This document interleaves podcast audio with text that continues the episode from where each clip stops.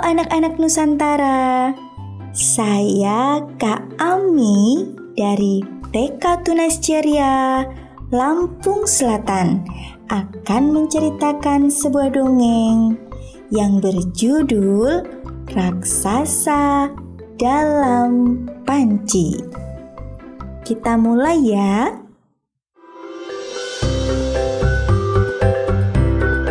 Pada zaman dahulu kala, di lembah yang indah, hiduplah satu keluarga yang terdiri dari bapak, ibu, dan seorang anak kecil.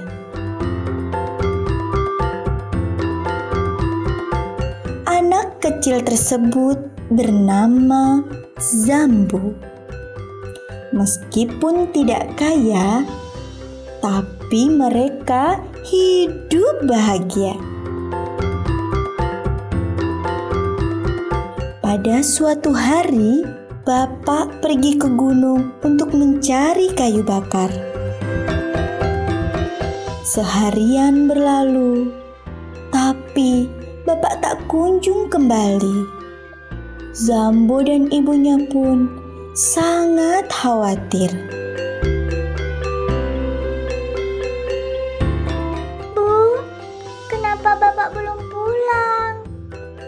Tanya Zambo.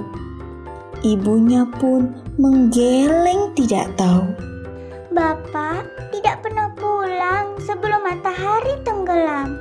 Tapi lihatlah Bu, matahari sudah digantikan bulan.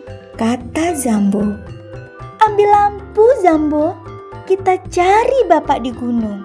Zambo dan ibunya pun pergi dari rumah untuk mencari bapak. Ke sana kemari dan berteriak.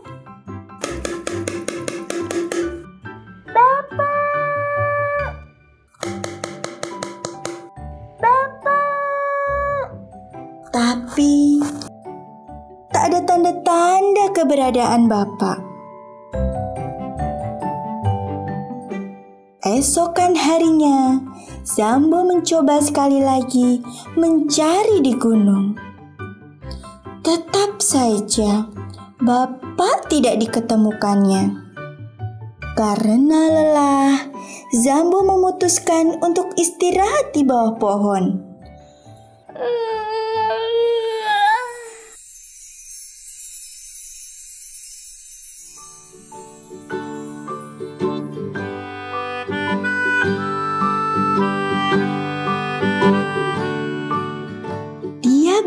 Bermimpi bertemu kakek tua berjanggut putih. Kamu sepertinya anak yang sangat menyayangi orang tuamu.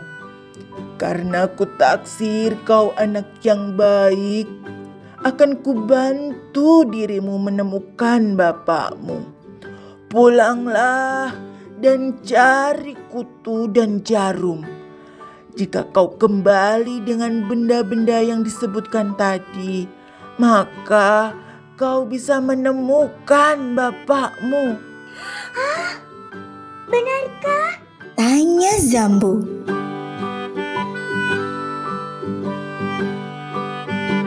Zambu kemudian terbangun dari tidurnya.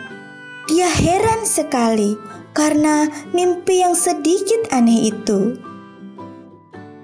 Meski begitu, ia tetap berniat mendapatkan kutu-kutu busuk dan jarum-jarum yang diberitahukan dalam mimpinya.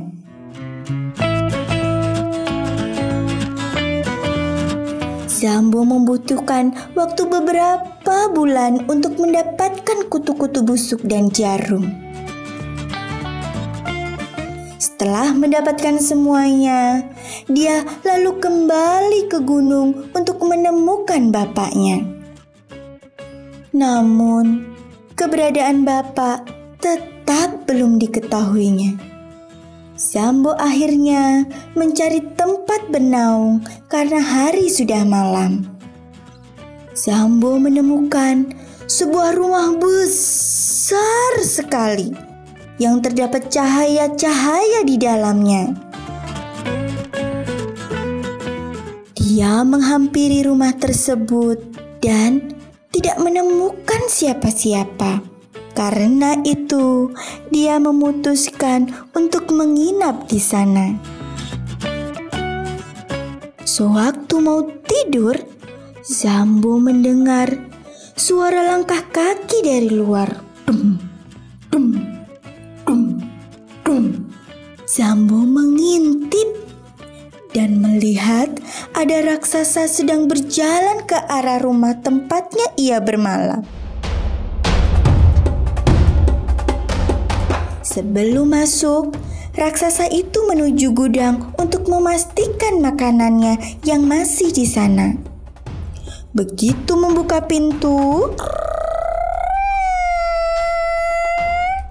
ia menemukan jumlah makanannya masih lengkap.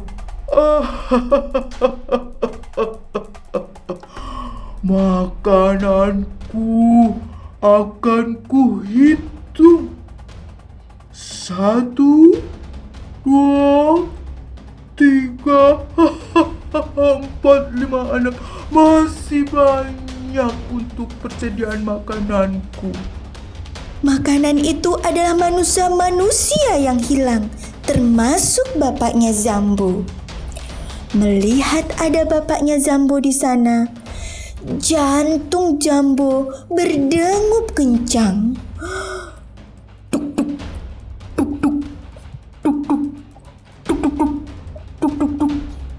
Raksasa itu pun menutup pintu kembali. Kemudian raksasa masuk rumah dan tertidur. Seketika itu juga Zambo yang berniat menyelamatkan bapaknya segera beraksi. Dia segera membongkar tas berisi kutu-kutu busuk di dekat raksasa tidur dan segera menaburkannya kutu-kutu busuk itu ke dalam tubuh raksasa itu. Teman-teman,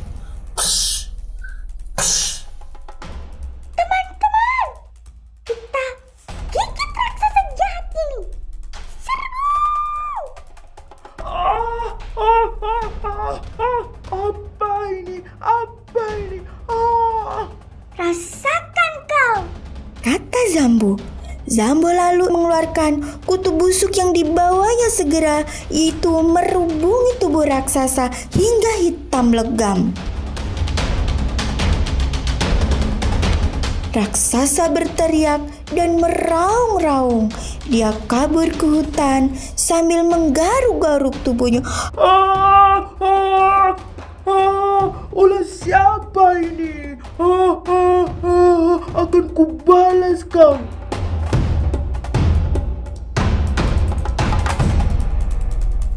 Sambil mengeluarkan jarum-jarumnya. Shring, shring, dan melemparkannya ke arah tubuh raksasa pergi. Dan ajaib, jarum-jarum itu seolah-olah hidup dan segera menusuk tubuh raksasa. Ah, ah, ah, sungguh.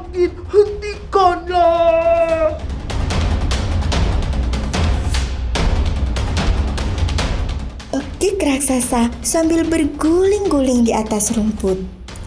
Akhirnya, raksasa pergi ke dapur untuk mencari tempat untuk bersembunyi. Dia melihat satu-satunya tempat yang baik untuk bersembunyi, yaitu panci besar yang biasanya ia gunakan untuk merebus mangsanya. Dan masuklah ia ke dalam panci itu. Tanpa dia sadari, panci itu berada di atas tungku yang sedang menyala.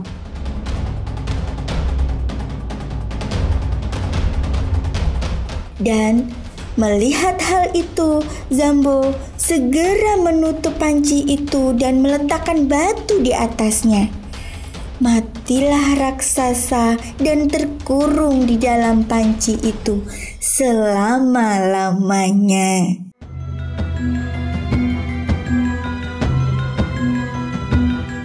Nah, adik-adik, demikianlah dongeng dari Kak Ami. Sampai jumpa lagi. Sekian dulu. Wassalamualaikum warahmatullahi wabarakatuh.